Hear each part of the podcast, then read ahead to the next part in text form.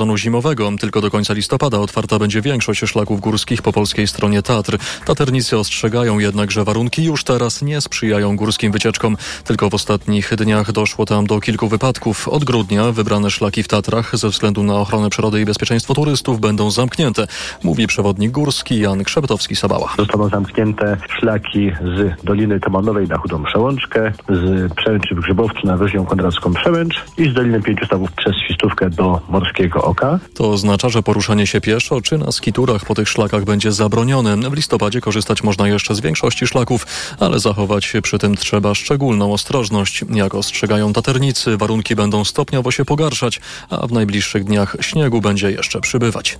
A teraz w TOK FM czas na sport.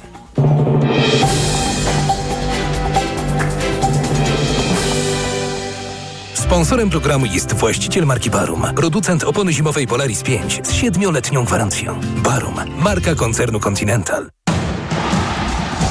Informacje sportowe. Marcin Krzemiński, zapraszam. Dogrywka w meczu o 1-8 finału Pucharu Polski Polonia Bytom Harka Gdynia. W regulaminowym czasie był remis 1 do 1. A my czekamy też na dwa ostatnie zespoły, które będą grać dalej w Pucharze. Ruszył mecz Resowi Rzeszów z Jagiellonią Białystok. Za niespełna godzinę rozpocznie się pojedynek Wisły Puławy z Widzewem Łódź.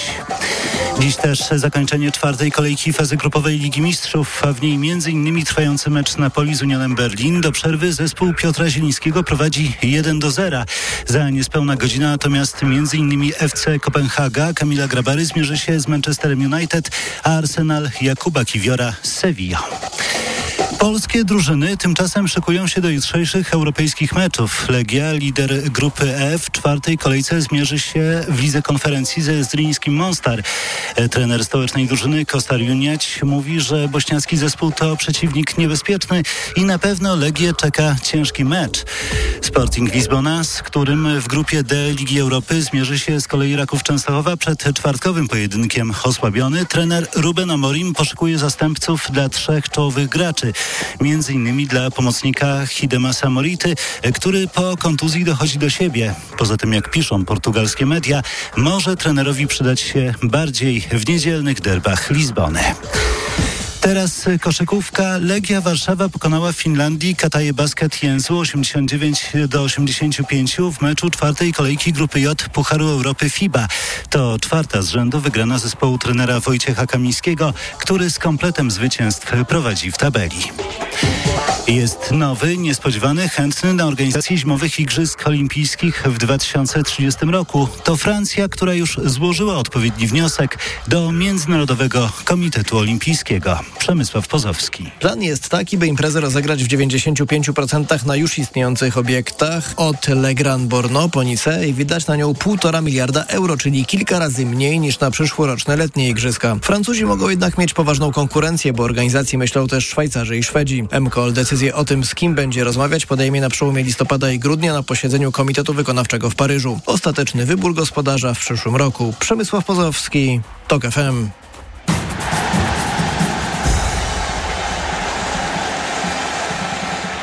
Sponsorem programu był właściciel marki Barum, producent opony zimowej Polaris 5 z 7-letnią gwarancją. Barum, marka koncernu Continental.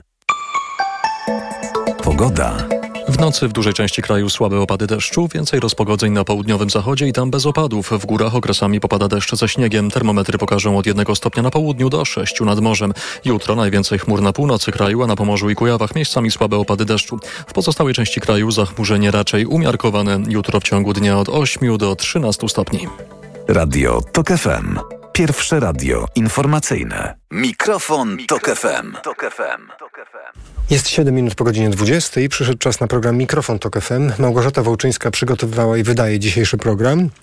Prowadzi Paweł Sulik, który mówi dobry wieczór. E, państwa głosy na naszej antenie, dzięki temu, że Państwo do nas zadzwonią pod numer 2244 Dziś 8 listopada, środa. Politycy Koalicji Obywatelskiej planują niższe podatki dla ludzi z branży IT, inwestycja w innowacyjność, czy wsparcie dla tych, którzy i tak dużo zarabiają? To pytanie do słuchaczy i słuchaczek Radia Tok FM. Oczywiście rozmowa dzisiejsza z Państwem na naszej antenie pewnie będzie zawierała bardzo wiele bardzo różnych wątków, bo apelujemy jak zwykle do tych, którzy są w takiej sytuacji, że ten problem ich po prostu dotyczy. To są programistami, są pracownikami branży IT, do osób, których to w ogóle nie dotyczy, bo na przykład pracują w zupełnie innym systemie i w zasadzie jest to dla nich opowieść trochę abstrakcyjna, do osób, które dużo zarabiają i mają swój stosunek do obciążeń podatkowych, no znowu to powiedziałem, obciążeń, do podatków mają stosunek warunkowany przez to, co a, zarabiają a, a, i część tego, co przekazują um, państwu. Każda wypowiedź jest istotna w tej rozmowie, którą my musimy jak najczęściej w przestrzeni publicznej odbywać, która dotyczy tego, w jaki sposób sobie wyobrażamy, że my jako społeczeństwo wspólnie zgadzamy się co do tego, że pewne rzeczy w naszym kraju wspólnie finansujemy właśnie dzięki wynalazkowi systemu podatkowego. 8 po 8, czas, żeby oddać głos naszemu gościowi. Zaprosiliśmy do studia Rafała Pikuły z Gazety Wyborczej. Dobry wieczór, cześć. E, cześć Pawle, cześć wszystkim.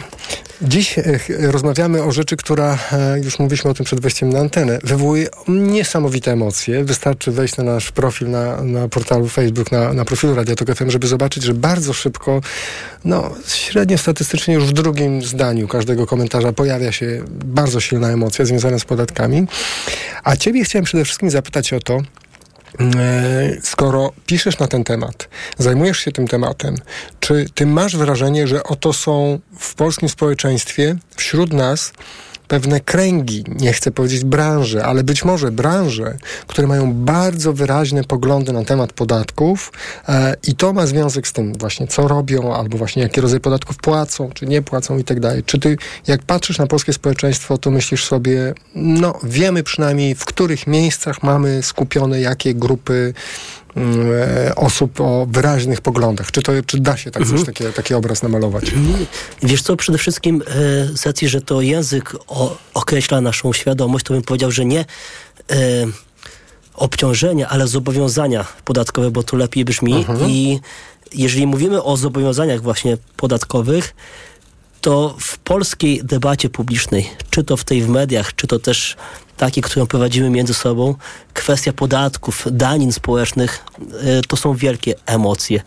E, I faktycznie jest tak, że są takie grupy, w których te kwestie są bardzo ważne. My rozmawiamy o programistach, czy szerzej o branży IT. Jest to branża, w której zarabia się bardzo dużo, często zarabia się też bardzo dużo w bardzo szybkim czasie. Wynika to z tego, że jest to branża dynamiczna, rozwijająca się, e, branża, która kształtuje współczesny świat.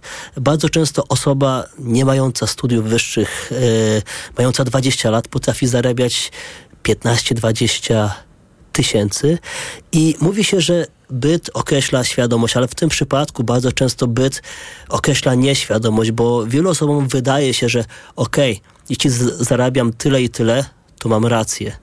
I bardzo często też e, takie osoby mają poczucie, że są okradane, ponieważ oni zarabiają, więc czemu mhm. mają się dzielić z innymi? Ja już e, wspomniałem właśnie przed naszą rozmową, że e, pisząc artykuł na temat poglądów politycznych w branży IT, zauważyłem, że bardzo często są e, wśród programistów są osoby, które mają takie podejście bardzo liberalne. W sensie jak najniższe podatki, jak najmniejsze zobowiązania, jak najmniejsza rola państwa. Ja tu już nie będę mówił o konkretnej partii czy ugrupowaniu, ale bardzo często dla tych ludzi e, państwo mogłoby się ograniczyć do minimum. E, jest też taka polska e, grupa, taka największa grupa na polskim e, Facebooku dotycząca branży IT. Tam temat podatków to jest mhm. temat, który wywołuje największe emocje. Przed wyborami jak pojawiała się jakaś dyskusja na temat podniesienia podatków, obniżenia 500 plus, 800 plus, to te kwestie wywoływały najwięcej komentarzy. Nie kwestie techniczne, tylko kwestie, nazwijmy to, społeczno-fiskalne. Jeżeli pytasz mnie... A, a właśnie, ale mhm. do tej grupy apeluje opozycja, która mówi, że będzie zmniejszała programistom opodatkowanie? Yy, wiesz co, jeżeli, jeżeli mówisz o te propozycje, yy, to ta wydaje mi się, że tutaj politycy PO nie tyle apelują do tej mhm. grupy, co to jest takie proste, żeby nie powiedzieć prostackie myślenie, pokażmy, że jesteśmy za innowacją, czyli Aha. obniżmy podatki e, a, dla programistów, żeby nie wyjechali, ponieważ tworzą innowacje. Ja w moim tekście wyjaśniam, że po pierwsze nie wyjadą, a po drugie nie można powiedzieć, że wszystkie e, zajęcia w IT są związane z innowacjami. Ale to pierwszy zaraz, dlaczego nie wyjadą? Bo wyjadą do kraju, gdzie się płaci mniejsze podatki. Czemu nie? E, po pierwsze, do którego kraju? Bo nawet jeśli płaci się tam mniejsze podatki, to niekoniecznie e, życie jest tam tańsze. W Polsce wciąż życie jest relatywnie tańsze niż w krajach zachodnich, gdzie jest najwięcej firm IT. To jest pierwsza rzecz. Druga rzecz, ogromna e, część programistów, czy szerzej mówiąc testerów, project managerów i tak pracuje dla zagranicznych firm mieszkając w Polsce. Aha. Więc im się bardziej opłaca mieszkać Polsce. To jest druga rzecz. A trzecia, e, ja naprawdę nie jestem w stanie uwierzyć, żeby ktoś wyjechał z Polski tylko dlatego, że płaci tysiąc, dwa tysiące mhm. złotych więcej podatków. Przecież wyjechanie z Polski, przykładowo do Niemiec, Hiszpanii, Stanów Zjednoczonych, to jest zmiana życia całkowicie o 180 stopni. Szczególnie dla osób, które mają rodziny. To jest przeniesienie rodziny, znalezienie dzieciom szkoły, zajęcia, znalezienie swojego środowiska.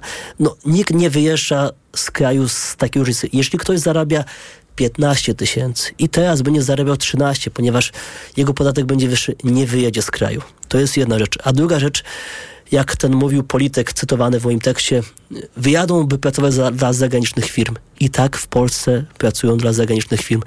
Musimy o tym pamiętać, że tak jak Polska była przez lata montownią Europy, tak dziś często jest software house'em Europy. Polscy programiści najczęściej pracują dla zagranicznych firm.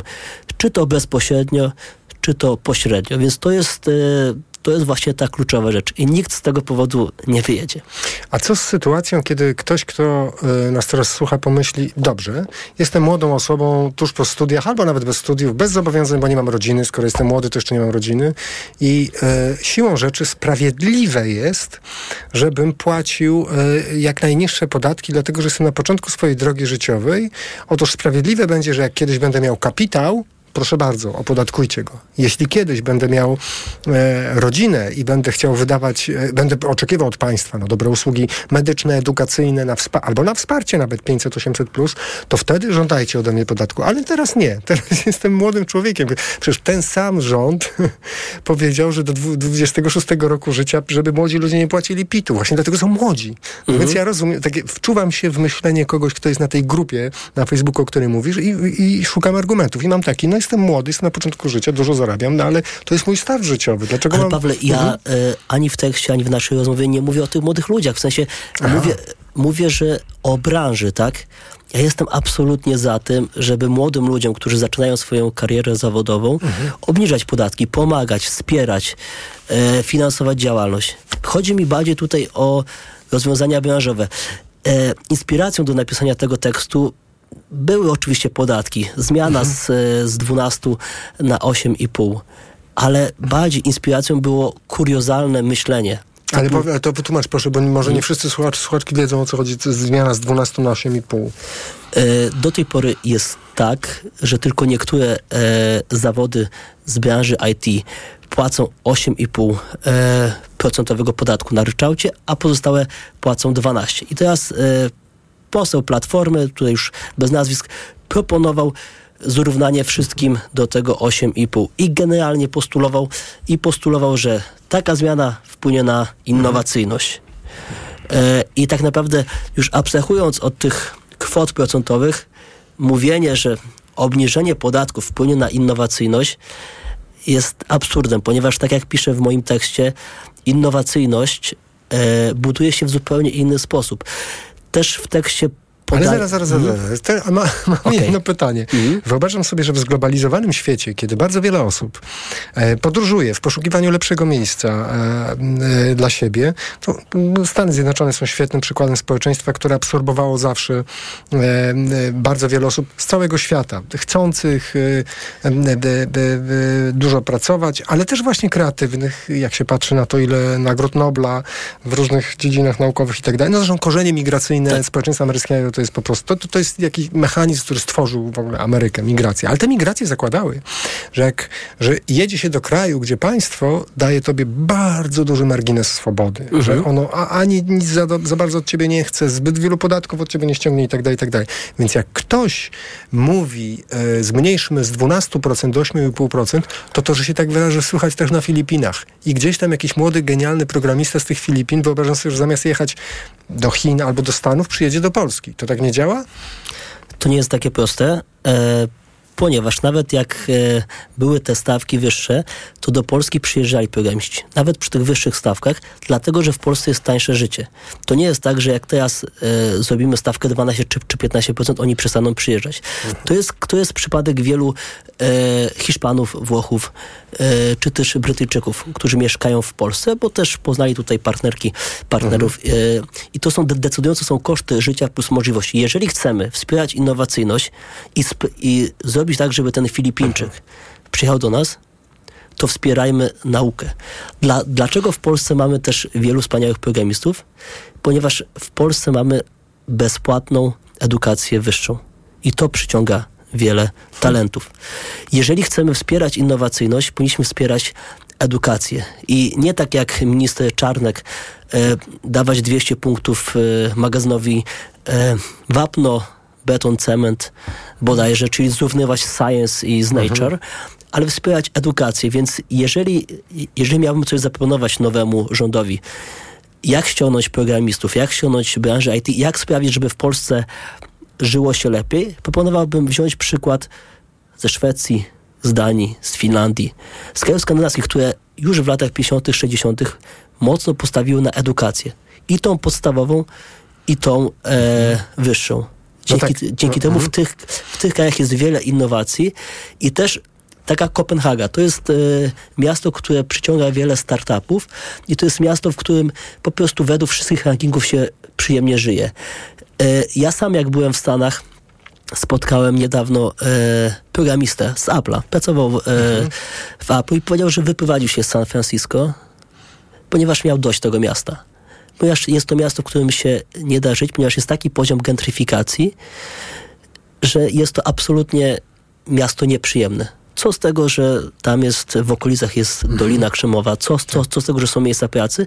On powiedział, że on wolał zmienić pracę na gorzej płatną, ale poza Doliną Krz- Krzemową, żeby żyć spokojnie, żeby jego dzieci były bezpieczne. I tak samo rozmawiam z wieloma osobami z branży IT, które mówią, ok, dla mnie nie ma różnicy, czy ja zarabiam 15 czy 20, tylko czy jest fajna szkoła w okolicy mojego domu, czy jest tam bezpiecznie, czy jest tam czysto, czy jest to przy, przyjazne miejsce do życia. Dlatego na przykład ktoś jedzie do Kopenhagi, ponieważ tam się przyjemnie żyje.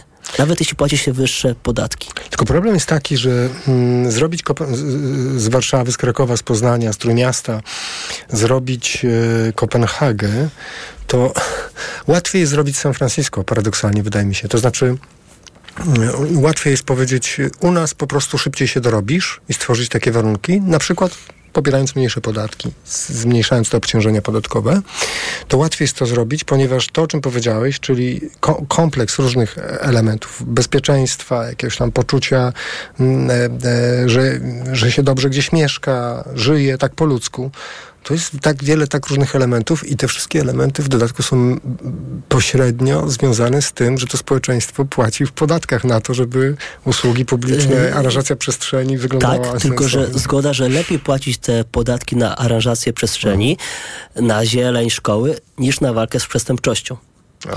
czy na walkę z bezdomnością. Kalifornia jest e, stanem, w którym są najwyższe zobowiązania podatkowe w Stanach Zjednoczonych, a paradoksalnie nie są to miejsca, w których się najlepiej żyje. Kalifornia jest stanem, który się najszybciej wyludnia. Jest tam największa, e, jest na, największa migracja z Kalifornii, ponieważ y, dla wielu osób jest to miejsce nie do życia. Jeżeli ktoś jest na tyle zamożny lub może sobie pozwolić na pracę zdalną, to po prostu opuszcza San Francisco, Los, Los Angeles czy inne miasta y, w Kalifornii. Wystarczy dzisiaj przyjechać do, do San Francisco, żeby zobaczyć, że to miasto w przeciągu ostatnich kilku lat, w, przycią- w przeciągu czasów od pandemii, zmieniło się trochę w miasto, e, miasto ponure, smutne i niebezpieczne. Więc Pawle, jeżeli rozmawiamy o zobowiązaniach podatkowych, ja mogę płacić większe podatki, byleby te podatki były właśnie na, to, na tę szkołę, na te parki, na tę rozrywkę, a nie na walkę z przestępczością, na, na bezdomność. Yy, yy, rozmawialiśmy o San Francisco, tam są ogromne nakłady na policję, która jest wciąż niedofinansowana. A jest niedofinansowana, ponieważ problemy z bezdomnością i z przestępczością są coraz, coraz, coraz większe. I co z tego, że podnosimy podatki, jak mhm. wciąż e, problem nie znika? Bo problem pojawił się wtedy, kiedy postanowiono zrobić z tego miasta i z całej okolicy miasto dla technis, dla mhm. młodych, ambitnych ludzi z branży IT. I okej, okay, początkowo to przyciągnęło e, ludzi do tych okolic. To był ten American Dream. Ale mhm. potem okazało się, że nawet dobrze zarabiających nie stać na mieszkania. Nawet dobrze zarabiających nie stać na to, żeby posłać dzieci do bezpiecznej szkoły. Doszło do kolosalnej gentryfikacji. Już, już w Warszawie widać pewne y, znaki mhm. tego. Weźmy przykład, przykład miasteczka Wilanów. W zeszłym roku y, było głośno o ogłoszeniu do pracy w przedszkolu. W miasteczku Wilanów wszyscy, wszyscy jak wiemy, e, mieszkają raczej osoby dobrze zarabiające i powstało tam przedszkole i nie można było znaleźć pani do pracy, czy, czy pana do, do pracy w przedszkolu. Dlaczego? Ponieważ e, nikt, e, nikomu nie opłacało się dojeżdżać z peryferyjnych dzielnic typu Białęki, żeby pracować na Wilanowie, ponieważ był to za duży koszt i zarazem też nikogo nie było stać, żeby mieszkać na miejscu. Mhm. I się okazało, że co z tego, że mieszkamy w bogatej dzielnicy, skoro nie stać nas na podstawowe usługi. No tak, ale ktoś nas słucha mógłby powiedzieć, jeśli mieszkańcy Wilanowa płaciliby mniejsze podatki, to oni na swoje przedszkole mogliby prywatne przedszkole przeznaczyć więcej swoich prywatnych funduszy i wtedy stać ich byłoby na, na to, że taką ofertę pracy, tylko, że to jest, wolny rynek to wszystko wyrówna. Tylko, że to jest ten ko kołowrotek, w, mhm. który, w który wpadł San Francisco i Dolina Krzemowa. Ok, mhm. muszę zarabiać więcej, żeby zapłacić za tak. prywatną szkołę, prywatną przedszkole, y, podwózkę itp. itd. Aha. I to się nakręca, to rośnie, rośnie i w końcu w tym biegu już y, y, musisz się zatrzymać. To jest przykład wielu, wielu ludzi z branży IT, którzy pracują jako programiści dla wielkich korporacji i mieszkają na przykład w wanie. Mieszkają w samochodzie, bo ich nie stać na wynajem mieszkania. Co, no, no co z tego, że, mhm. że, że pracujesz i zarabiasz pięć razy więcej niż średnia, jak wciąż mhm. jest, to jest to za mało. Dobrze, ale dominująca opowieść jednak w Polsce jest taka, że mniejsze, niższe podatki są lepsze. Ludzie myślą przez pryzmat swojego prywatnego doświadczenia. I to jest, już zostawiając na boku na chwilę branżę IT, to jest doświadczenie osób z różnych branż, że oto ja bym wie, lepiej wiedział, w jaki sposób, co ja mam zrobić ze swoimi pieniędzmi. Państwo nigdy nie zrobi tego dobrze. Jeszcze liberałowie mają taką opowieść, że państwo jako duży twór, skomplikowany, zbiurokratyzowany, zawsze będzie miał te koszty działania o wiele wyższe niż ja, który po prostu wezmę te pieniądze, pójdę, wybiorę sobie lekarza, zapłacę mu osobiście, najlepiej z ręki do ręki i wtedy wszystko będzie działało. I... Ja, ja nie wiem skąd się bierze to przekonanie, ponieważ jak spojrzymy na, na wszelkie indeksy miast czy państw, gdzie żyje się najlepiej, to wygrywają państwa socjaldemokratyczne, tam gdzie podatki są najwyższe. A Stany Zjednoczone, tutaj ten przykład, którego się trzymamy, gdzie podatki są relatywnie niskie, jest y, bogatym krajem biednych ludzi i gdzie, gdzie te nierówności są kosmiczne, więc y, obniżenie podatków może działać tak, jak tutaj mówisz, że okej, okay, będę miał więcej, więc mhm. wydam na prywatnego lekarza, nie będę dawał mhm. na publiczną służbę zdrowia, yy, będę miał więcej. Tylko, że jeżeli poddamy to wolnemu rynkowi, to wolny rynek zadziała tak. Macie więcej pieniędzy, to my podniesiemy cenę. I to będzie działało tak w nieskończoność. To jest hmm. też przykład e, ze Stanów Zjednoczonych mm, sprzed 3-4 lat, kiedy prywatny inwestor wykupił e, prawa do leku na raka. I co zrobił? Podniósł cenę, bo mógł. Mhm. mhm. Wolny rynek Wolny rynek to jest piękna idea, ale w praktyce nie zawsze się sprawdza. Tak hmm. jak komunizm. Bardzo Ci dziękuję za dzisiejszą rozmowę. Rafał Pikuła z Gazety Wyborczej był. Dzięki. Dziękuję, dziękuję. bardzo.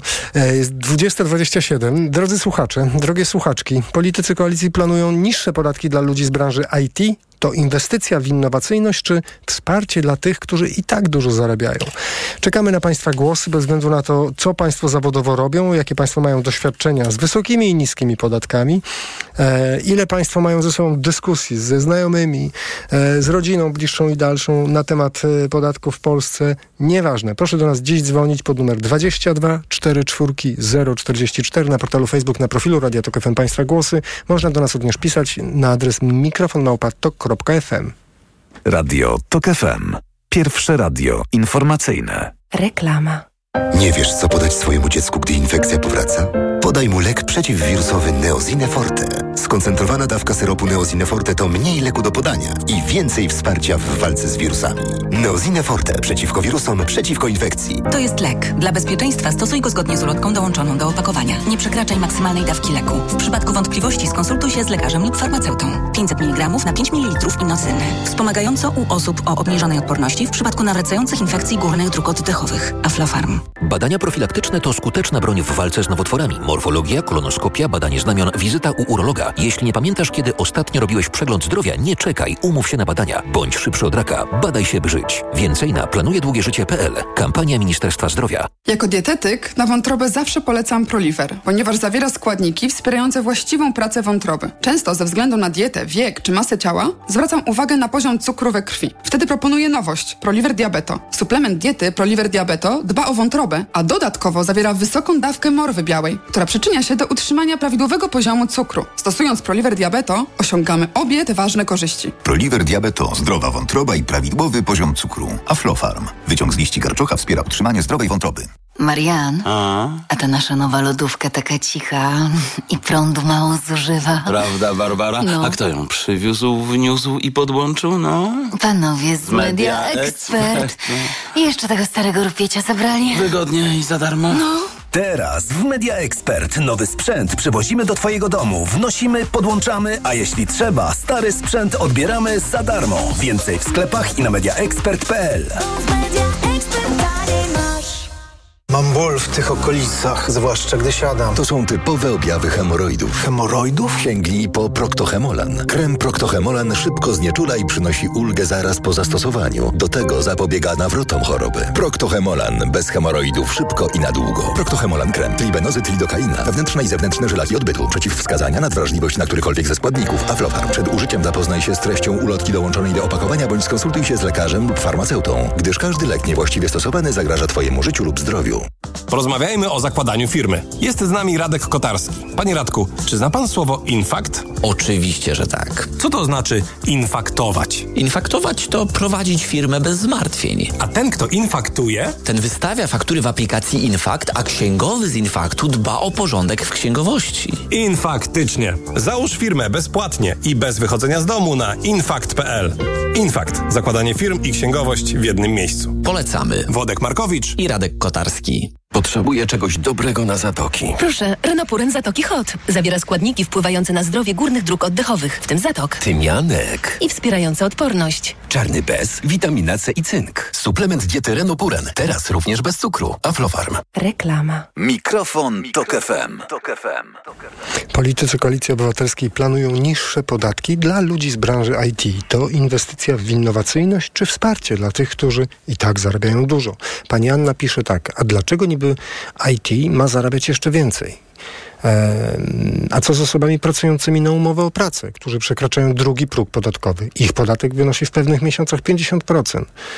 I oni nie mogą nic zrobić, bo nie każdy pracodawca godzi się na umowę B2B. E, obniżenie podatków w branży IT to splunięcie w twarz tym, co też pracują w branżach innowacyjnych, ale mają tylko jedną opcję, umowa o e, pracę. E, to pani Anna, bardzo dziękujemy pani Anno za, e, za pani wpis. Pan Tomasz pisze, innowacyjność się nie zmieni, dopóki nie będzie inwestycji w naukę. Niech ktoś wreszcie to wytłumaczy. E, a z kolei e, kolejny słuchacz pisze, niższe podatki jeszcze nikogo nie zachęciły do niczego. Skandynawia czy Niemcy mają wysokie podatki i innowacyjność. Ktoś chce u nas znowu robić szemrane interesy z firmami, które niby działają w Polsce. 22 4 4 0 44. Pan Paweł z Koszalina jest z nami. Dobry wieczór, panie Pawle. Dobry wieczór. Słuchamy pana. Słuchamy. E, Jestem informatykiem, e, lewicującym do tego. Jest ciekawa e, kombinacja. Zarabiam bardzo dużo, jak na warunki takie polskie, myślę. I tam te 10 czy 15 tysięcy, czy 20, które tutaj padły, to, to no niewiele to jest. I teraz, e, jeżeli e, rozmawiamy na temat obniżenia podatku, to oczywiście jako lewicowiec twierdzę, że to nie jest w porządku e, obniżanie e, podatków pewnej grupie, zwłaszcza dość dobrze uposażonej, nie, nie oszukujmy się. Natomiast nikt tu nie zwrócił uwagi na jedną rzecz.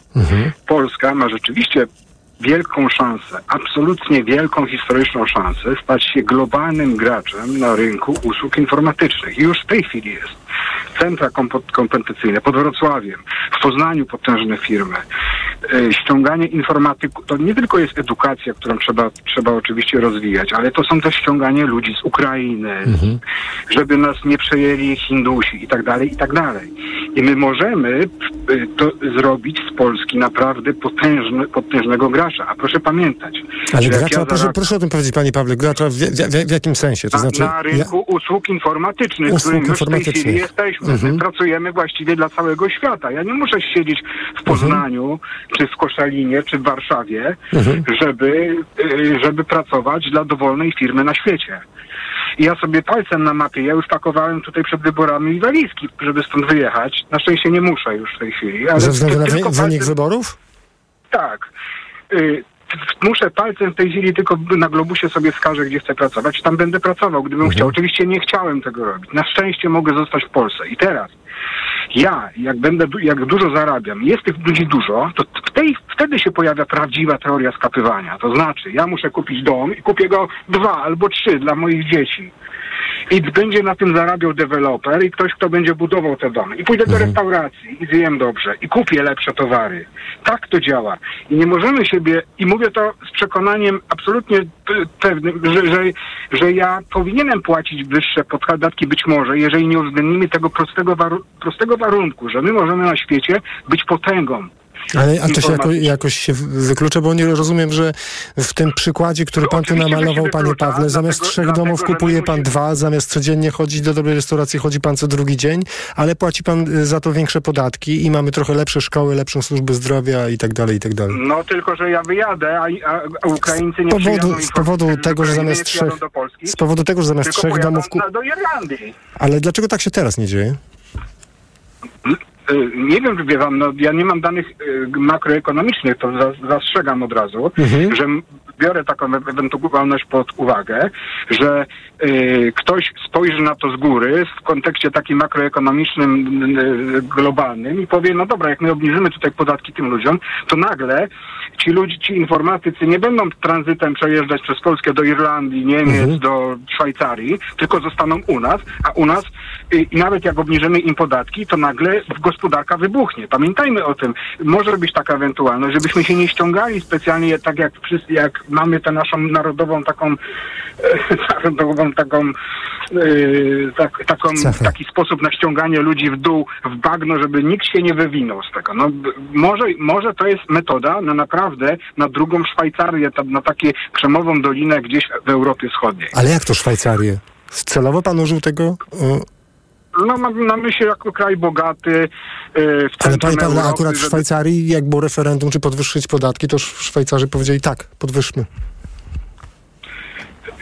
miałem na myśli bogaty kraj, który Mhm. jest gdzieś tutaj w centrum Europy. Ja nie mówię o podatkach. Niemcy. Bo, bo mm, nie, nie zrozumiałem kontekstu w tej chwili. Nie, to ja Także- pytam, dlaczego pan użył akurat przykładu Szwajcarii, gdzie, y, gdzie społeczeństwo się Miałem w na myśli referendum bogaty, bogaty kraj, który w świadomości Polaków jest jako bardzo bogaty kraj banków, nie wiem, może my będziemy informatyczni, w krajem informatyków, a nie banków. Na tej zasadzie to miałem na myśli. Ale jak wygląda według Pamię- pana kraj informatyków? Znaczy, co oni robią dokładnie? Czy oni te, te swoje rzeczy informatyczne robią co? Dla firm, które się zajmują co? Rozrywką, portalami społecznościowymi? Czy ktoś, kto pana słucha, może może na przykład za chwilę zadzwonić i powiedzieć, zaraz, zaraz, ja nie chcę, żeby Polska była centrum informatycznym. Chcę, żebyśmy robili świetne turbiny wiatrowe, bo ludzie będą mieli prąd, bez względu na to, jak, jakie kryzysy energetyczne No, będą, albo pan, turbiny- medy, medycynę turbiny rozwijali. Turbiny wiatrowe albo Mhm. medycyna y, się odbywa bez informatyków. To wszystko są informatycy. Wszyscy musimy robić No, ale w leki, kraju, gdzie się y, tylko zajmujemy informatyką, to nie ma turbin wiatrowych ani osiągnięć medycyny. Pan się myli absolutnie. A proszę pana, podać przykład. Roche w Poznaniu, proszę bardzo. To jest największa firma farmaceutyczna na świecie, która zatrudnia Mhm. w Polsce ileś tysięcy ludzi. Ale to... Informatyków. Dobra, i wróćmy do podatków. No i mm, jeżeli obniżymy Wróćmy do podatków. jest, gdybyśmy jest obniżyli... szansa, tak. że, Mhm. że ta branża informatyczna w Polsce wybuchnie, a z tym samym wybuchnie cała gospodarka. A co znaczy wybuchnie? To znaczy, to, to znaczy będzie dobrze, będzie dobrze prosperować. Nagle Ale, będziemy a płacić teraz prosperuje źle, bo ja nie rozumiem. Pan podaje przykład firmy z Poznania, która akurat prosperuje dobrze i jest gigantem. No ale to właśnie w naszym systemie No to podatkowym. mówię panu, że no to tu, jeżeli y, ja zarabiam bardzo dobrze, to ja idę do bardzo dobrej restauracji, Tak. kupuję mieszkanie częściej niż szeregowy Kowalski, Mhm. a te wszystkie dobra produkują Kowalscy. Rozumiem, panie Pawle, pan mówił... Na, na moim sukcesie. Rozumiem, panie Pawle. Sukcesie Polski. Tak, ale to się teraz nie dzieje z jakiego powodu? Ja nie wiem, czy to się dzieje w tej chwili z tego. y, Mówię tylko, że istnieje taka szansa, żeby być globalnym graczem na rynku światowym. Rozumiem. To, to dobrze pan trzeci raz... Być może Trzeci Tak. raz pan to powiedział, że Polska będzie globalnym graczem na rynku światowym. Rozumiem. Bardzo dziękuję panie Pawle za pana głos. Pan Paweł z Koszalina był z nami. Pan Jakub z Warszawy. Dobry wieczór panie Jakubie. Dobry wieczór. Słuchamy pana. Proszę pana, mam do pana pytanie. E, Kiedy wreszcie rozliczycie dziennikarzy, którzy się sprzedali PiSowi? Za ciężką kasę. Sprzedali O, panie Jakubie. demokrację, sprzedali etykę dziennikarską. Panie Może tym się wypadają. Panie Jakubie, dodzwonił się pan do innej stacji. Tu Radio Tok FM i dzisiaj rozmawiamy. Musi pan niestety się z tym zmierzyć jakoś z po, podatki, o podatkach. PiS zniszczył, konstytucję, zniszczył Trybunał, powiedział, że nie będzie tęsknił za, trybunałem, za, za tym Trybunałem. Panie Jakubie, naprawdę my nie o dzisiaj nie o tym rozmawiamy. My o zupełnie innej rzeczy rozmawiamy. No, panie Jakubie, jak będziemy rozmawiali o Trybunale, no to zapraszam na antenę. Pewnie będziemy prędzej czy później w programie Mikrofon Tok FM. Dziękujemy za pana głos. Pan Wojciech z Łodzi jest z nami. Dobry wieczór, panie Wojciechu. Dobry wieczór. Słuchamy pana.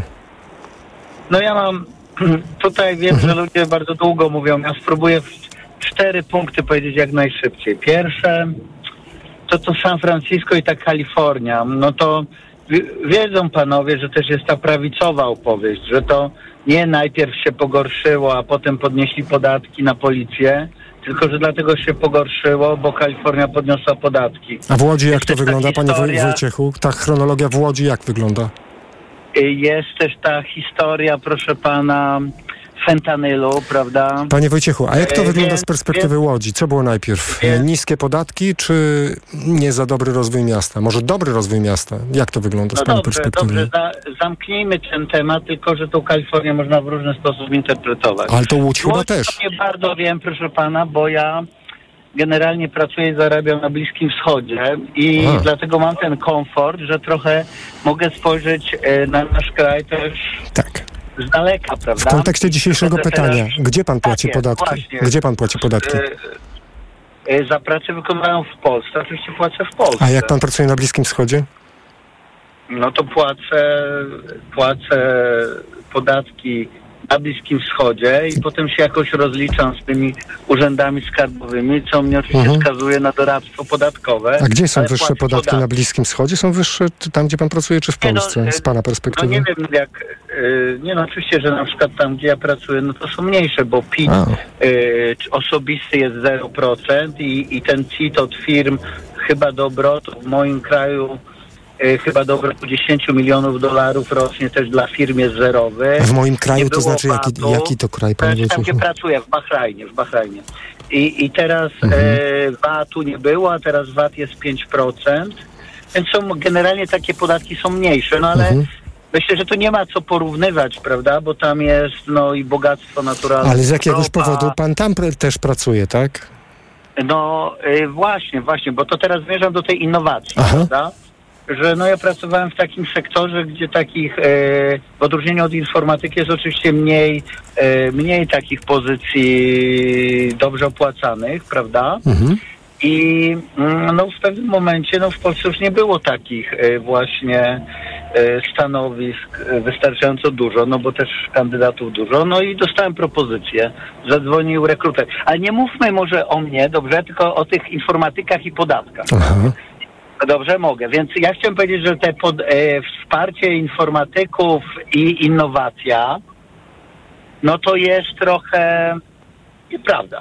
O, Dlatego, że, dlatego, że wiadomo, że za chwilę ci y, programiści no nie będą już innowacyjni, bo będzie kodowała AI i trochę to mi przypomina inwestowanie w górnictwo węglowe. o.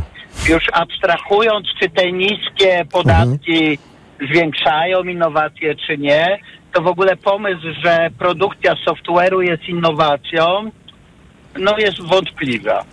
Czyli pan nie wierzy w tą opowieść, że przed chwilą naszego słuchacza, że będziemy globalnym graczem w No usługach możemy, ale czy to internetowych? będzie innowacyjny sektor? No, no nie. A no, dobra, no, a spójrzmy- Wojciechu, ale to bardzo ciekawy wątek pan tutaj dorzuca. Bardzo to jest interesujące, co pan mówi. Mam jedno, jedyne pytanie. Według pana co by było innowacją? Co, z pana perspektywy co jest innowacją? Co... No wie pan, Aha. taka prawdziwa innowacja No. to ma to do siebie, że no nie wiemy, prawda, jaka będzie w przyszłości. Oczywiście, to, to bym się wykręcił od odpowiedzi.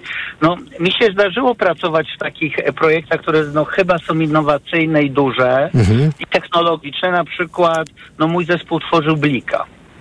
No to na pewno Ach. jest jakaś taka Aha. polska innowacja. Mhm. No i muszę, muszę powiedzieć, że tam wkład tej myśli innowacyjnej od strony ludzi biznesu, marketingu i, i programistów, no był podobny, więc właśnie tu jakby czuję tych ludzi, jak pan czytał z tego Facebooka, którzy mówią, no ale dlaczego akurat ta grupa zawodowa? No moim zdaniem ona nie jest jakoś tak naznaczona innowacją, a już na pewno nie w długim terminie. I to jest taka moja myśl. Panie Wyciechu, e, dajmy jeszcze szansę innym słuchaczom, chyba że króciutko jeszcze, Tak, bo pan cztery oczywiście. rzeczy chciał powiedzieć, a powiedział pan... Dobrze, ale nie, nie, bo, bo ja tu też mnie denerwuję, jak to ludzie za długo mówią. No chciałem się tym podzielić. No, Panie Wojciechu, oczywiście. bardzo dziękujemy za Pana głos. Wszystkiego dobrego życzymy. Do usłyszenia. Pan Wojciech z Łodzi, ale też trochę z Bahrajnu. Dzień dobry, pisze do nas Pan Grzegorz. Wysyłając maila na adres mikrofonmałpatok.fm. Na wstępie od lat prowadzę biuro rachunkowe i mam do czynienia na bieżąco z kilkudziesięcioma specjalistami od IT. Większość z nich to lepsi lub gorsi rzemieślnicy, którzy robią coś na potrzeby swoich dużo większych klientów, jednak inwencja nie leży po ich stronie. Stąd moja wiedza praktyczna. Po pierwsze, w ostatnich kilku latach nastąpiły poważne obniżki stawek podatku dla IT, w szczególności w Polskim Ładzie obniżano stawkę do 12% przychodu przy ryczałcie. Po drugie, jest jeszcze druga, mało znana opcja, dostępna dla wszystkich, nawet spółek, tak zwany IP Box, opodatkowana stawką 5%. Pod warunkiem, że ktoś faktycznie tworzy coś nowego.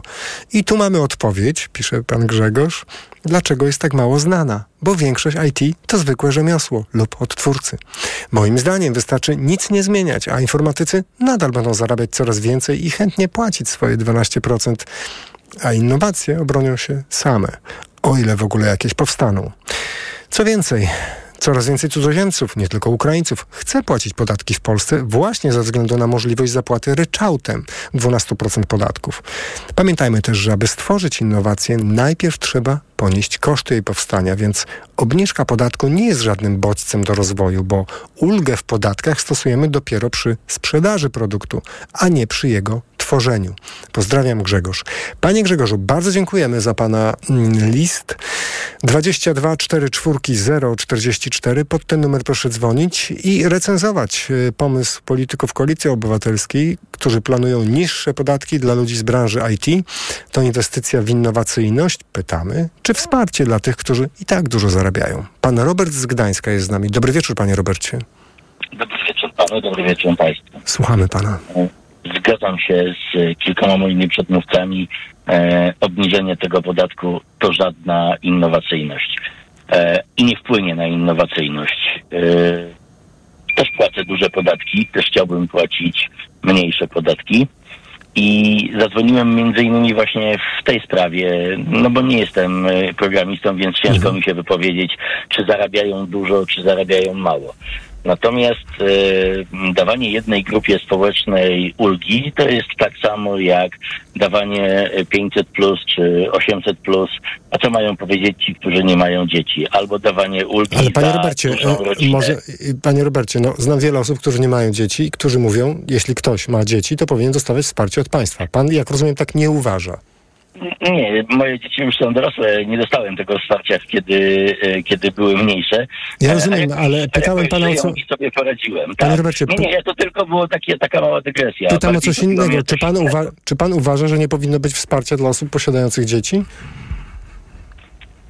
E, ci, którzy potrzebują, tak. E, a wielu tych, którzy to dostawało, to To świadczenie... by zapytam, akurat pa, tego panie nie Robercie, bo pa, pan płacił za e, szkołę e, swoim dzieciom, przez pewien czas tak.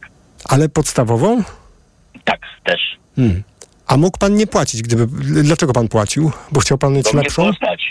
Bo Aha, mnie bo było pana stać. Ale rozumie pan, że gdy- gdyby tak wprowadzić opłaty za szkoły, no to części Ale ludzi... e, By... zaraz, to nie było tak, że cały czas. Po prostu był taki moment, kiedy trzeba Rozumiem. tak było zrobić. No rozumiem. E, natomiast nie, nie cały czas. Ale E, uważa pan, że w państwie naszym powinno być tak, że to państwo płaci za szkołę? Tak, oczywiście, że tak. Dlaczego? Uważam, że edukacja, dobra edukacja powinna być A bezpłatna. dlaczego? E, dlaczego? Tak. Dlatego, żeby dać szansę równą. E, mieszkałem, e, kiedy byłem e, sam dzieckiem w małej miejscowości.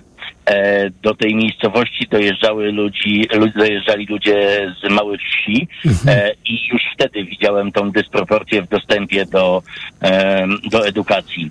Ale troszeczkę tym, Między- tym, troszeczkę tym rodzinom teraz może pomaga to, że mają wsparcie 500, a za moment 800 E, plus. Dlatego, ja, dlatego powiedziałem, tym, którzy tego potrzebują, rzeczywiście tak, natomiast nie wszystkim e, e, ob, jako obligo, że każdemu się należy. To, to, Progi by pan wprowadził, rozumiem. Tak, tak. A- a wróćmy do- no rozumiem. i o Mhm. to dyskredytowanie jednych kosztem drugich, Aha. e, bo równie dobrze można było powiedzieć, że górnik e, na przodku powinien dostać ulgę podatkową, bo ciężko pracuje i w niebezpiecznych warunkach. To tak dla skrajności z tą innowacyjnością. To jest dobry, panie Robercie, to jest dobry przykład. Rzeczywiście, jeśli popatrzymy na przychody górników i wsparcie dla nich, możliwość przejścia wcześniejszą na emeryturę i tak dalej, tu można by mnożyć nieskończenie. Rzeczywiście jest to grupa zawodowa, która Tak. znacząco lepiej ma niż dziennikarze, czy nie wiem, czy nie wiem, jaki pan ma zawód, ale my jako społeczeństwo zawsze uważaliśmy, że oni mają niebezpieczną pracę. Ona Tak, oczywiście. czasami grozi i- śmiercią i, nawet. I no. prędzej, i prędzej Aha. uważam, że dla nich powinny być właśnie takie przywileje, niż dla kogoś, kto zarabia te kilkanaście tysięcy i tak jak mój przedmówca wspomniał, w wielu przypadkach są to wyrobnicy, tylko wyrobnicy. No dobra, To górnik też jest wyrobnikiem. No tak, ale to właśnie, to, to, tak, no to dlaczego w takim razie ten, ten, ten e, programista ma nagle dostać tą ulgę? Natomiast generalnie mówiąc o tych podatkach i o niechęci do płacenia przez nas podatków, Mhm. o czym rozmawiał pan z panem redaktorem Gazety Wyborczej, Mhm. e, to wydaje mi się, że e, to, co było nazywane tym obciążeniem podatkowym, tak, tym zawieraniem albo, albo daniną i tak, tak. dalej, to wiąże się, myślę, tak psychologicznie z naszym podejściem do tych podatków, ponieważ o ile w tej Szwajcarii, która była tutaj Mhm. przywoływana, to po, albo w Szwecji, w której było referendum, czy y, chciałbyś kosztem e, niższych podatków, niższej opieki społecznej, tam zagłosowano, że nie, że wolą Mhm. płacić wyższe podatki. W Szwajcarii zgodzono się na podniesienie podatków, bo tam ci ludzie wiedzą, że ich podatki idą na te cele, na które były przeznaczone. Ale tak, panie Robercie, ale na edukację, rozumiem, ale chwileczkę. Na zdrowia, Tak. a nie na przykład na willę. Rozumiem, ale czyli pan sugeruje, pan sugeruje, że gdyby w Polsce zrobić referendum i tak sformułować pytanie, jak pan przed chwilą to zrobił na naszej antenie, czyli czy zgadzasz się na obniżenie podatków, za czym pójdzie znacząca, znaczące obniżenie jakości służby zdrowia, to może większa część Polaków też by się nie zgodziła na obniżenie podatków. Tak, podejrzewam, że nie, ale gdyby pan zadał pytanie, to które było w Szwajcarii, czy jesteś za podniesieniem podatków, aby sfinansować tą Mhm. służbę zdrowia, niestety sądzę, że większość naszych rodaków odpowiedziałaby nie. Właśnie dlatego, że nie mają poczucia, że te pieniądze są dobrze wydawane. Rozumiem, panie To Robercie. jest największy. I to by był największy problem, Mhm. e, jak gdyby do, do rozwiązania. Bo ja też jestem za tym, żeby płacić podatki, żeby te podatki były płacone adekwatnie do swoich zarobków Mhm. i ci, którzy mogą i powinni mieć ulgę, żeby ją mieli. Tylko mam przeświadczenie e, i moi znajomi również, że nasze podatki są po prostu zwyczajnie marnowane. Przynajmniej duża część, jak rozumiem, no bo chyba nie wszystkie. No. Panie Robercie, bardzo dziękuję panie Robercie za, za pana głos. Pan Robert z Gdańska był z nami. Politycy koalicji planują niższe podatki dla ludzi z branży IT. To inwestycja w innowacyjność czy wsparcie dla tych, którzy i tak zarabiają dużo. Pan Andrzej z Wrocławia. Dobry wieczór, panie Andrzeju. Dobry wieczór, witam serdecznie pana, panie Słucham, słuchamy pana. Słuchamy pana. E, chciałbym się odnieść do kilku aspektów. E, Przede wszystkim chciałbym się zgodzić z przedmówcą, iż faktycznie chciałbym płacić podatki. Ja osobiście jestem przedsiębiorcą, prowadzę kilka przedsiębiorstw, w tym jedną spółkę innowacyjną, związaną również z programowaniem. Pierwsza rzecz, e, przede wszystkim programiści e, musimy ich też podzielić tak samo jak chociażby lekarze. Są lekarze, którzy są e, ogólnymi e, specjalistami, czyli ogólnie wytwarzają pewien produkt w postaci zdrowszego, mam nadzieję, człowieka, a są też specjaliści wysokiej klasy, w tym naukowcy, którzy faktycznie dokonują innowacyjnych e, jakichś rozwiązań wdrażanych później na, na rynek medyczny. To samo dzieje się z programistami. Jeżeli ktoś jest faktycznie odtwórczy, no umówmy się, to nie jest żadna innowacyjność. A to Jeżeli jest z perspektywy administracyjno-urzędniczej. Z, e, nie ma szans tego zweryfikować i do tego powolutku dążę. Nie ma możliwości, aby ktoś z perspektywy Urzędu Administracyjnego, Administracji Publicznej Aha. zweryfikował na poziomie ogólnym, czy ktoś będąc programistą jest od razu innowacyjny. Mhm. Bardzo często właśnie ta innowacyjność nie pochodzi od samych programistów, a od deweloperów, od projektantów i od całego zespołu tak naprawdę, który zastanawia się, w jaki sposób ta innowacyjność ma być później przekuta na prawdziwy rynek. Jeśli chodzi o same podatki, był Pan uprzejmy, Panie redaktorze, powiedzieć przed audycją e, o takim kontekście, e, że podatki to jest coś do zapłacenia, a nie haracz, nie coś, czym jesteśmy obciążani, nie powinniśmy tego w ten sposób traktować. Co do zasady należałoby się z tym zgodzić. Jednakże prowadząc działalność e, gospodarczą w postaci spółek kapitałowych, proszę zwrócić uwagę na to, że z tej perspektywy płacenie podatków coraz wyższych tak naprawdę, czy mm, obciążanie dodatkowe, to jest faktycznie odbierane przez przedsiębiorców jako obciążanie. Bo pracownicy, bez względu na to, czy oni są innowacyjni, czy nie są innowacyjni, czy pracują w takiej Aha. grupie specjalistycznej, czy w innej, żądają pewnej kwoty. I tego nie zmienimy, czy obniżymy, czy podwyższymy podatki, bo mówią, przychodzą do pracodawcy i mówią, ja chcę kwotę X na rękę, netto. No, no Nie to rozumiem. obchodzi ich Mhm. nie obchodzi żadne obciążenie, które e, leży na państwie. Znaczy, Mhm. przez państwo jest, e, Tak. m, jest wskazywane na rzecz pracownika. Pracownik się tym nie interesuje. Więc całość obciążenia, nazywamy, nazywamy to rzecz po imieniu, obciążenia idzie na stronę pracodawcy, który jest traktowany obciążeniem podwójnie, chociażby ZUS. Dokładanie kolejnych podatków z różnych inicjatyw państwowych dodatkowo obciąża koszty realizacji zadania Mhm. po stronie przedsiębiorcy. Więc z tej perspektywy chciałbym mieć niższe podatki, bo mógłbym to wprowadzić do siebie do przedsiębiorstwa i po prostu mieć mniejsze obciążenie. I to, ale, jacyś, tak ale zapłacić. mniejsze obciążenie, czyli e, e, finalnie większy zysk. E, nie, jedynie mniejsze obciążenie. Dlaczego? Polska co pan ma na myśli, mówiąc mniejsze obciążenie? Że mniej pieniędzy płaconych w podatkach? e, mniej zapłacę, tak, mniej odprowadzę do podatku, więc będę No. miał większą efektywność konkurencji, uzyskania Tak. konkurencyjności I teraz- na bardzo ciężkim rynku. I teraz założenie jest takie, pan uważa, że większa część firm w Polsce mając mniejsze podatki, ten zaoszczędzony pieniądz wyda na innowacje, czy po prostu na rozwój, czy na konsumpcję? Nie, czy... nie, nie, nie, nie, brońcie Panie Boże, No nie chciałbym czegoś takiego powiedzieć, bo to byłoby niepoważne. E, co najwyżej, można Hmm. byłoby pomyśleć o stymulowaniu polskiego przedsiębiorcy, ale polskiego przedsiębiorcy, a nie firmy zagranicznej, która po prostu tylko realizuje zadanie na terenie RP. Mhm. Bo faktycznie polskie firmy z wyjątkami nielicznymi mają bardzo ciężkie życie programistyczne w stosunku do koncernów, które i- tak z całym szacunkiem stać na to, żeby zapłacić takie czy inne podatki, bo mają inną siłę korporacyjną Mhm. polskie przedsiębiorstwa, które by przeszły na przykład rankingi e, czy konkursy innowacyjności, które są ogłaszane chociażby w tej chwili przez e, NATO, przez polskie inicjatywy, gdzie jest weryfikowana ta innowacyjność, rozumiem, można byłoby zamiast obniżenia podatków dać grant, dać dofinansowanie, wesprzeć faktycznie innowacyjne pomysły na rynku polskim realizowane przez polskich przedsiębiorców. Obniżanie podatków, kon- konkludując, jest tutaj myślę dziwionym troszeczkę Ale, pomysłem. o, panie Andrzeju, ale to bardzo ciekawy wątek pan tutaj dostarczył nam, czyli to w ogóle, tak jakby w ogóle inna sfera e, działania, jeśli chodzi o innowacyjność. To nie jest kwestia poszczególnego pracownika i jego ulg podatkowych, tylko kwestia z innego poziomu pan to w ogóle mm, opisuje. To bardzo ciekawe, co pan mówi. Ale, ale pan nie widzi tego ze, ze, ze strony państwa? Przecież państwo ma granty, które może... e, e, Są konkursy i da się przecież... nie- nie, e, W, w, czy, czy, czy nie? Czy, czy pan uważa, że to jest system, który nie działa Po, na po szeroką drugiej skalę? stronie oceniający musieliby mieć odpowiednią wiedzę i przygotowanie merytoryczne wraz z Mhm. doświadczeniem, aby właściwie ocenić niestety te projekty. To w większości wypadków jest niestety chybione. Ale panie Andrzeju, bardzo smutne rzeczy pan trochę tutaj mówi, ale bardzo dziękuję, że pan rozszerzył nasze myślenie w tej kwestii swoim telefonem. Pan Andrzej z Wrocławia był. Bardzo dziękujemy za pana głos. Cztery minuty zostały do godziny 21. E, politycy Koalicji Obywatelskiej planują niższe podatki dla ludzi z branży IT. To inwestycja w innowacyjność czy wsparcie dla tych, którzy i tak zarabiają dużo? Co państwo sądzą na ten temat? Czekamy na państwa głosy pod numerem 22 44 044. Za chwilę po informacjach kolejne państwa głosy. Mikrofon, Tok FM. Reklama. Jako dietetyk na wątrobę zawsze polecam Proliver, ponieważ zawiera składniki wspierające właściwą pracę wątroby. Często ze względu na dietę, wiek czy masę ciała zwracam uwagę na poziom cukru we krwi. Wtedy proponuję nowość Proliver Diabeto. Suplement diety Proliver Diabeto dba o wątrobę, a dodatkowo zawiera wysoką dawkę morwy białej, która przyczynia się do utrzymania prawidłowego poziomu cukru. Stosując Proliver Diabeto osiągamy obie te ważne korzyści. Proliver Diabeto, zdrowa wątroba i prawidłowy poziom cukru. Aflofarm. Wyciąg z liści karczocha wspiera utrzymanie zdrowej wątroby.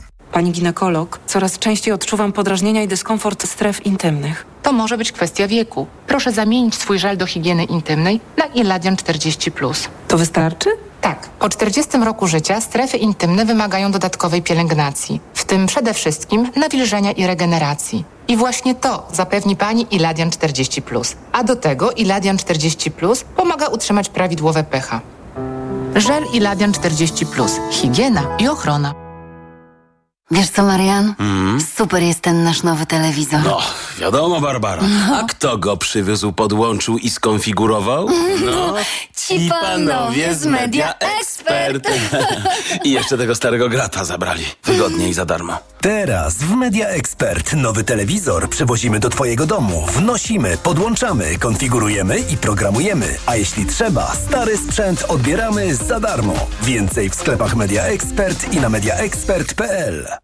Potrzebuję czegoś dobrego na zatoki. Proszę, Renopuren Zatoki Hot. Zawiera składniki wpływające na zdrowie górnych dróg oddechowych, w tym zatok. Tymianek. I wspierające odporność. Czarny bez, witamina C i cynk. Suplement diety Renopuren. Teraz również bez cukru. Aflofarm. Znowu dopadła Ci infekcja i nie wiesz co robić? Kluczowe jest działanie na przyczynę choroby. Dlatego weź lek przeciwwirusowy Neozine Forte. Tabletki Neozine Forte pomagają zwalczać wirusy i wspierają odporność. Neozine Forte przeciwko wirusom, przeciwko infekcji. To jest lek. Dla bezpieczeństwa stosuj go zgodnie z ulotką dołączoną do opakowania. Nie przekraczaj maksymalnej dawki leku. W przypadku wątpliwości skonsultuj się z lekarzem lub farmaceutą. 1000 mg inozyny. Wspomagająco u osób o obniżonej odporności w przypadku nawracających infekcji górnych dróg oddechowych. Aflofarm. Ale chwileczkę, bo w Biedronce są biedronkowe oszczędności. Podążaj za nimi jesienią. Do piątku. Piwo Tyskie Gronie, butelka zwrotna 500 ml, 12 plus 8 gratis z kartą Moja Biedronka. Limit dzienny 20 butelek, maksymalnie 8 gratis na kartę. Oto powody, by iść do Biedronki. Hemoroidy dokuczają mi coraz bardziej, choć próbowałam różnych środków. Przy silnych hemoroidach nie każdy lek pomoże. Zastosuj Proctohemolan. Krem Proctohemolan przynosi ulgę nawet w ostrych objawach hemoroidów. Do tego zapobiega nawrotom choroby. Proctohemolan bez hemoroidów szybko i na długo. Proctohemolan krem. Tribenozy, lidokaina. Wewnętrzne i zewnętrzne żylaki odbytu. Przeciwwskazania na wrażliwość na którykolwiek ze składników. Aflofarm. Przed użyciem zapoznaj się z treścią ulotki dołączonej do opakowania bądź skonsultuj się z lekarzem lub farmaceutą, gdyż każdy lek niewłaściwie stosowany zagraża Twojemu życiu lub zdrowiu. Reklama. Radio TOK FM. Pierwsze radio informacyjne.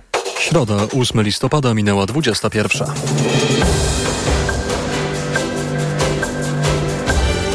Informacje TOK FM. Arkadiusz Urbanek. Jest decyzja Rady Polityki Pieniężnej. Stopy procentowe pozostają bez zmian. Nie oznacza to, że nie spadną raty kredytów, o czym więcej za chwilę. Komisja Europejska zarekomendowała rozpoczęcie negocjacji członkowskich z Mołdawią i Ukrainą. Wyczerpaliśmy 96% środków dostępnych na pomoc Ukrainie, informują przedstawiciele amerykańskiej administracji. Stopy procentowe pozostają bez zmian, mimo to raty kredytów mieszkaniowych i tak spadną. Wszystko dlatego, że ich wysokość zależy od wskaźnika WIBOR, a ten w ostatnim czasie obniżył się, mówi Jarosław Sadowski, główny analityk Expandera. No i to spowoduje, że w przypadku kredytu hipotecznego właśnie opartego o stawkę WIBOR 3 na kwotę 300 tysięcy złotych rata spadnie z poziomu 2351 zł, tyle wynosiła w przeciągu ostatnich trzech miesięcy, do poziomu 2138 zł. Decyzja o pozostawieniu stóp procentowych bez zmian zaskoczyła ekonomistów. Większość ekspertów spodziewała się, że Rada Polityki Pieniężnej po raz trzeci skusi się na obniżkę stóp, a w czwartek decyzję Rady będzie tłumaczyć dziennikarzom prezes NBP Adam Glapiński. Marek Sawicki, poseł PSL-u, który w poniedziałek otworzy pierwsze posiedzenie Sejmu nowej kadencji na antenie TOK FM, zgłosił pomysł, by opozycja przyspieszyła proces zmiany władzy. Miałby to zrobić składając konstruktywne wotum nieufności wobec rządu Mateusza Morawieckiego. Konstytucjonaliści tłumaczą jednak, że akurat w tym momencie ten ruch jest niezgodny z prawem. O szczegółach opowie Maciej Kluczka. To dlatego, że na pierwszym posiedzeniu Sejmu Mateusz Morawiecki musi podać siebie i swój rząd do dymisji. I wtedy mamy do czynienia ze zdymisjonowanym, ale pełniącym obowiązki premierem. Któremu prezydent powierza dalsze takie pełnienie obowiązków, żeby nie powstała luka, że przez jakiś tam czas nie mamy po prostu rządu. Tłumaczy dr Joanna Juchniewicz z Katedry Prawa Konstytucyjnego Uniwersytetu Warmińsko-Mazurskiego. I w takiej sytuacji bezprzedmiotowe jest wyrażenie konstruktywnego wotum nieufności. Marszałek Sejmu nie powinien poddawać go e, pod głosowanie. Najpierw więc to premier Morawiecki musi zderzyć się z sejmową rzeczywistością, czyli brakiem wystarczającej liczby głosów do utworzenia rządu i dopiero wtedy do akcji wkroczy Donald Tusk. Do tej wymiany ról może dojść jeszcze w listopadzie. Maciej Kluczka to GFM. Głos pra- prawników usłyszeli już politycy nowej sejmowej większości. Wspomniany scenariusz odrzucili wcześniej szef ludowców Władysław Kosiniak-Kamysz oraz Borys Budka z Koalicji Obywatelskiej. Komisja Europejska zarekomendowała rozpoczęcie negocjacji członkowskich z Mołdawią i Ukrainą. Szefowa komisji Ursula von der Leyen ogłaszając decyzję podkreśliła jednak, że Kijów do tej pory nie spełnił wszystkich uzgodnionych w zeszłym roku siedmiu warunków rozpoczęcia negocjacji. Chodzi m.in. o wprowadzenie rozwiązań dotyczących mniejszości narodowych oraz walki z korupcją i oligarchami. Według głównego negocjatora polskiego członkostwa we wspólnocie Jana Truszczyńskiego komisja postąpiła w tej sprawie słusznie. Z jednej strony uznaje, że bardzo wiele Ukraina zrobiła, a to, że pozostaje jeszcze to i owo do wykonania, nie powinno formalnie zagradzać drogi do podjęcia tego kolejnego etapu, jakim byłoby otwarcie rozmów akcesyjnych formalne, no i podjęcie procesu przeglądu prawa ukraińskiego i stopnia jego zgodności z prawem wspólnotowym. Oprócz rekomendacji dotyczących rozmów z Ukrainą i Mołdawią, Komisja Europejska poparła nadanie Gruzji statusu państwa kandydata.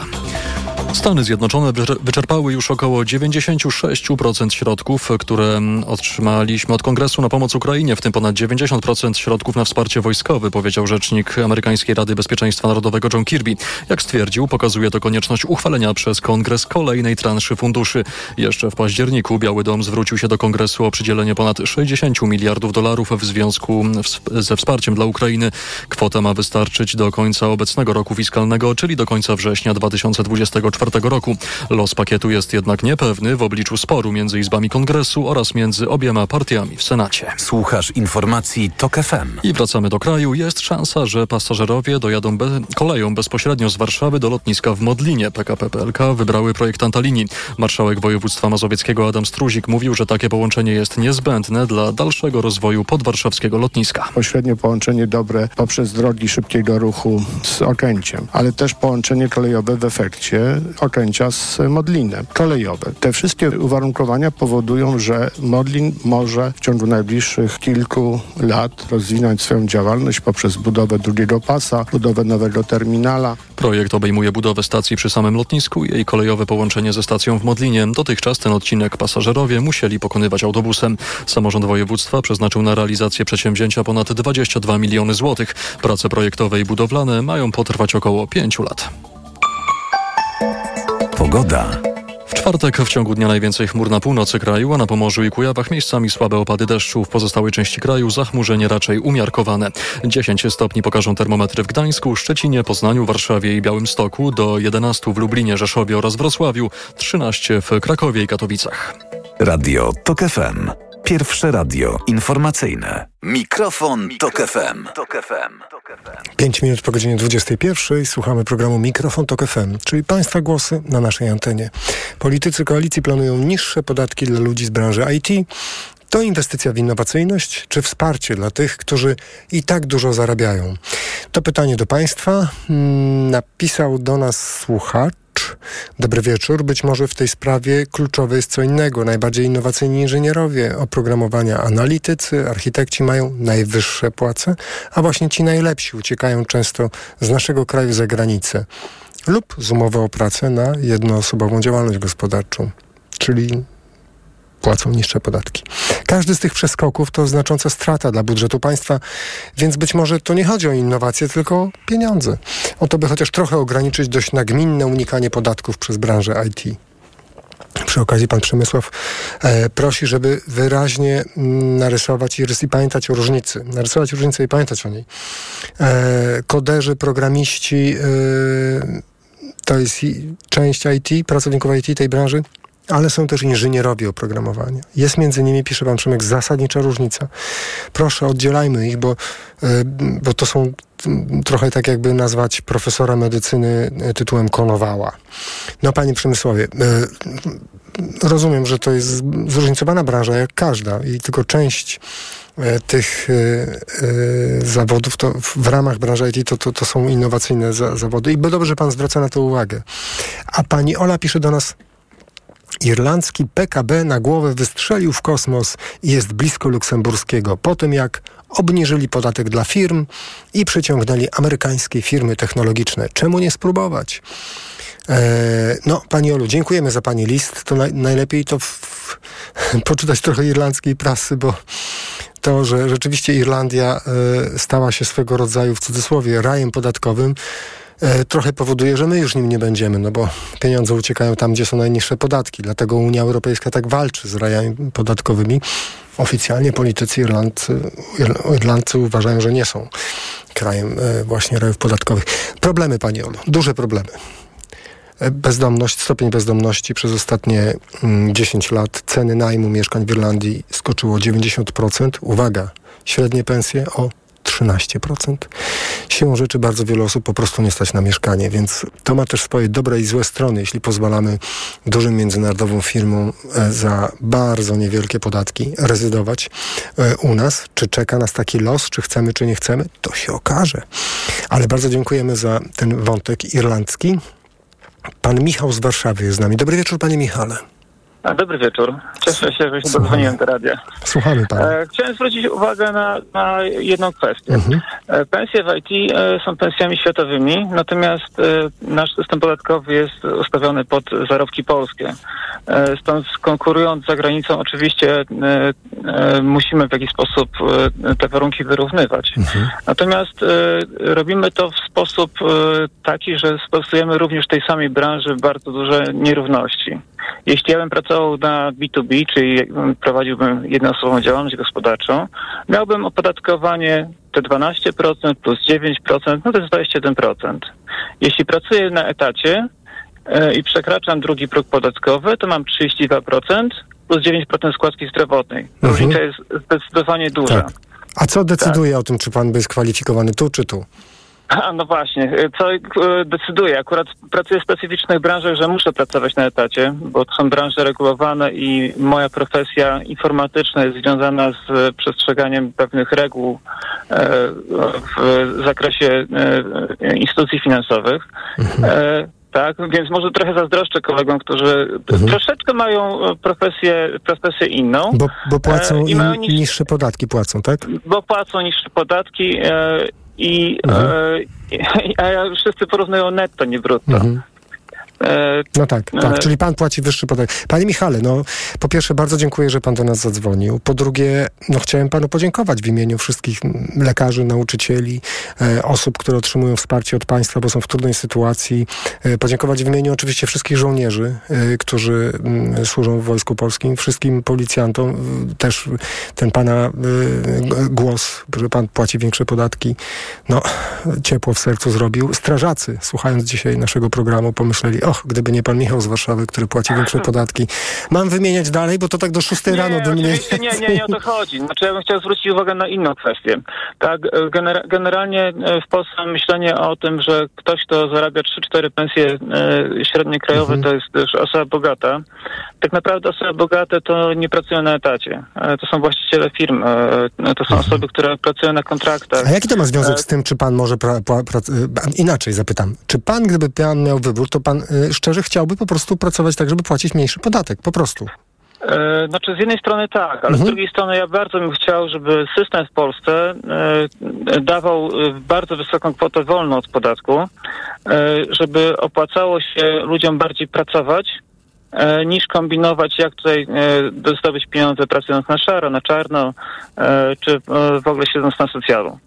Hmm. E, Bo w przypadku e, osób, które... e, A, jak, bardzo- a, a to proszę powiedzieć, jest jakaś psychologiczna, z pana perspektywy, jakaś psychologiczna granica tej kwoty wolnej od podatku, która powoduje, że ja już bym nie chciał przychodzić do pracy e, No nie, znaczy i ja- siedzieć mam- na socjalu, tak jak duże- pan to powiedział?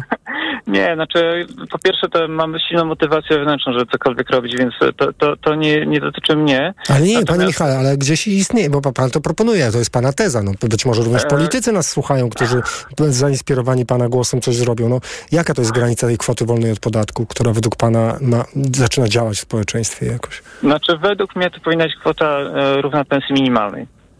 E, pensja minimalna powinna być Mhm. e, nieopodatkowana. O.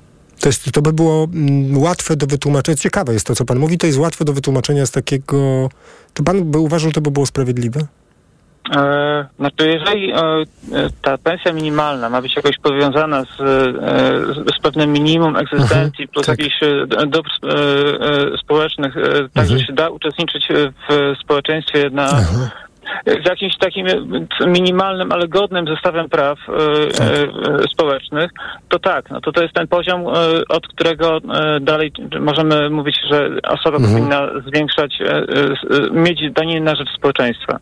Natomiast jeśli nie Mhm. osiąga tych, tych dochodów, to lepiej, lepiej jak ona nie będzie opodatkowana, niż ma kombinować, jak tutaj od społeczeństwa wyciągnąć spo, e, e, różnego rodzaju e, Mhm. datki. Albo inaczej mówiąc, jak, tak, jak pan ustalił to w ten sposób, to rozumiem pana w ten sposób, że ta filozofia, którą pan prezentuje jest taka. Jak będziemy jeszcze opodatkowywać osoby, które mają pensję minimalną, to za moment będziemy musieli im pomagać, bo wpadną w jakieś problemy życiowe. Ty, ty, dla, mnie, dla mnie to jest oczywiste to, co pan mówi. Świetnie pan to spotkał tutaj, te dwie rzeczy. Panie Michale, dajmy jeszcze szansę innym słuchaczom. Bardzo dziękuję za pana głos. Pan Michał z Warszawy był z nami. E, a nasza słuchaczka pisze na adres mikrofonmałpa.fm tak. Najpierw odbudujmy zaufanie do państwa, wtedy ludzie będą chętniej płacić podatki, zakładając, że zostaną sensownie zagospodarowane. Bardzo dziękujemy za, za ten e, list, tylko no, pytanie, czy zdążymy odbudować zaufanie do państwa, e, bo to może długo trwać. A wypłaty dla nauczycieli, lekarzy, strażaków, policjantów, żołnierzy i tak dalej, i tak dalej, i tak dalej. No jednak co miesiąc e, musimy mieć. Pan Roman z Warszawy jest z nami. Dobry wieczór, panie Romanie. Dobry wieczór. E, Wie pan, ja tak się zastanawiam, tak przysłuchuję się dy, tej dyskusji, dlaczego mają być prowadzone tylko y, obniżenie podatków za innowacje y, w branży IT. Czy tylko w branży IT y, jest, są wprowadzane, y, wprowadzane inwa- innowacje? W wielu innych branżach również są innowacje. Ja akurat też prowadzę przedsiębiorstwo. Y, jesteśmy w tej chwili na etapie tworzenia y, urządzenia, które naprawdę jest y, innowacyjne. Nikt jeszcze tego nie robi w Polsce. Nie wiem, czy ktoś jeszcze na świecie tego typu rzeczy robi. To nie może I- pan zdradzi nam, czy właśnie nie może pan powiedzieć, nad czym pracujecie?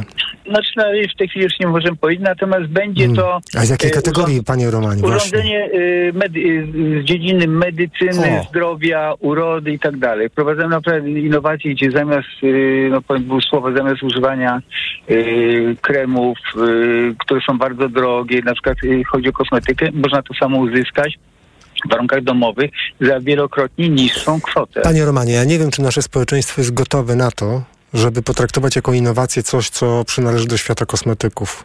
Jeśli by pan lek na raka wynalazł, super. Ale kosmetyki? Nie, Nie wiem. Widzi pan, wi- widzi pan, e, właśnie jest to, jest to w tym kierunku, kierunku idzie, dlatego że wiele z e, problemów e, nowotworowych i tak dalej wynika z, tego, czego korzystamy, czyli i z kosmetyków. E, z czyli tego, to ma jakiś związek. To Ale ma, panie to Romanie, ma pan, gigantyczny, to ma przede no wszystkim widzi pan, związek. ale to pan rozszerza naszą dyskusję tutaj, mówiąc, co, pytając, co my rozumiemy przez innowacyjność, bo to, o czym pan mówi, z pana perspektywy jest innowacyjne i państwo powinno to wspierać, a nie programistów, tak? Którzy... y, dos- Znaczy ja nie Mhm. mówię, że programistów nie należy wspierać, chociaż wie pan, no yy, nie jestem programistą, yy, szukam, yy, gdzie programista może być innowacyjny, gdzie może być ta innowacja, tak? Natomiast ja wprowadzam, chcę wprowadzić na rynek produkt, który jest naprawdę inno- innowacyjny, który pomoże wielu, wielu ludziom, społeczeństwu w ogóle. Panie Romanie, no przecież dzwoni, godzinę temu dzwonił do nas słuchacz, który brał udział w grupie, która pracowała nad tą usługą płacenia e, blikiem. W związku z czym, no, to jest innowacyjne, że szybciej i łatwiej wyda pan swoje pieniądze. Hurra! Hurra, tak. Panie Romanie, pan, ja tutaj ograniczam, że nie wydajemy pieniądze, e, pieniędzy, ale e, pracujemy na nasze zdrowie. Dlatego, Panie, że to, panie Romanie, jak pan mówi, tak, ja to rozumiem. Jak pan mówi zdrowie, to jestem pewien, że większa część słuchaczy i słuchaczek uważa, że tak, w sferę innowacyjności to powin, powinniśmy uważać, że to wchodzi w, se, w sferę innowacyjności. Bardzo dziękuję za to, że pan do nas zadzwonił. Pan Roman z Warszawy był z nami. No i powodzenia z tym projektem oczywiście, panie Romanie. Trzymamy kciuki. Pan Leszek z Bydgoszczy jest z nami. Dobry wieczór. Dobry wieczór, witam serdecznie. Słuchamy pana. E, mam takie dwa przemyślenia chyba, które już e, przed chwilą e, przejawiały. Pierwsze moje brzmi, dlaczego mamy wspierać jedną grupę zawodową od innych? Czym profesor na uczelni, czym e, kosmetyczka, która pracuje 12 godzin na dobę, jest gorsza i ma płacić wyższe podatki od grupy zawodowej, która jest najwyżej chyba sytuowana finansowo u nas. Bo jest przekonanie, bo jest wśród części polityków jest przekonanie, że to właśnie ci kreatywni programiści są szansą na rozwój naszego kraju. Dobrze, a Przekonanie. Tak, a przepraszam, że wchodzę w słowo. A gdzie tu jest miejsce na konkursy i faktyczne projekty? O. Daj prosty przykład y, firmy dużej w Bydgoszczy, firmy Mhm. PESA, lokomotywa wodorowa. Czy ona dostaje pieniądze, powinna dostać konkursem na budowę lokomotywy? Czy pracownicy pracujący przy tym projekcie mają mieć niższe podatki? O, dob- a to jest świetne pytanie. Świetnie, świetnie pan to ustawił. Bo tutaj to pan, jest pan, jedno pytanie. Tak, to jest, a to jest świetne, bo to pan pytał o, o podstawy myślenia, o w, wsparcie. No. Tak. Dokładnie. No a ta Ale druga jeszcze rzecz, panie Leszku? A jeszcze jest Mhm. druga rzecz. Y, Pięć minut temu w audycji wpadł y, list wspaniały, który pan odczytał od y, jakiejś pani. I uważam, że największym błędem w tym kraju, prawdopodobnie ostatnie wiele lat się do tego przyczyniło, ale w szczególności ostatnie lata, jest to, że my y, utraciliśmy wiarę w to, że nasze podatki są sensownie wykorzystane. Ja płacę, wydaje mi się, że dość wysokie podatki i chętnie bym je płacił. Mhm. Ale chciałbym wiedzieć, że te pieniądze są niemarnowane. Chciałbym widzieć konkursy na prezesów dużych spółek. Jawne, publiczne. Chciałbym wiedzieć wynagrodzenia wszystkich osób w spółkach publicznych, Mhm. łącznie od kierownika do góry. Mhm. Chciałbym wiedzieć wszystkie konkursy, na jakiej podstawie spółka X, a nie Y dostała dotację. Panie Leszku, ale Przejrzystość finansu tak, dałaby nam zaufanie. wiarę to, Mhm.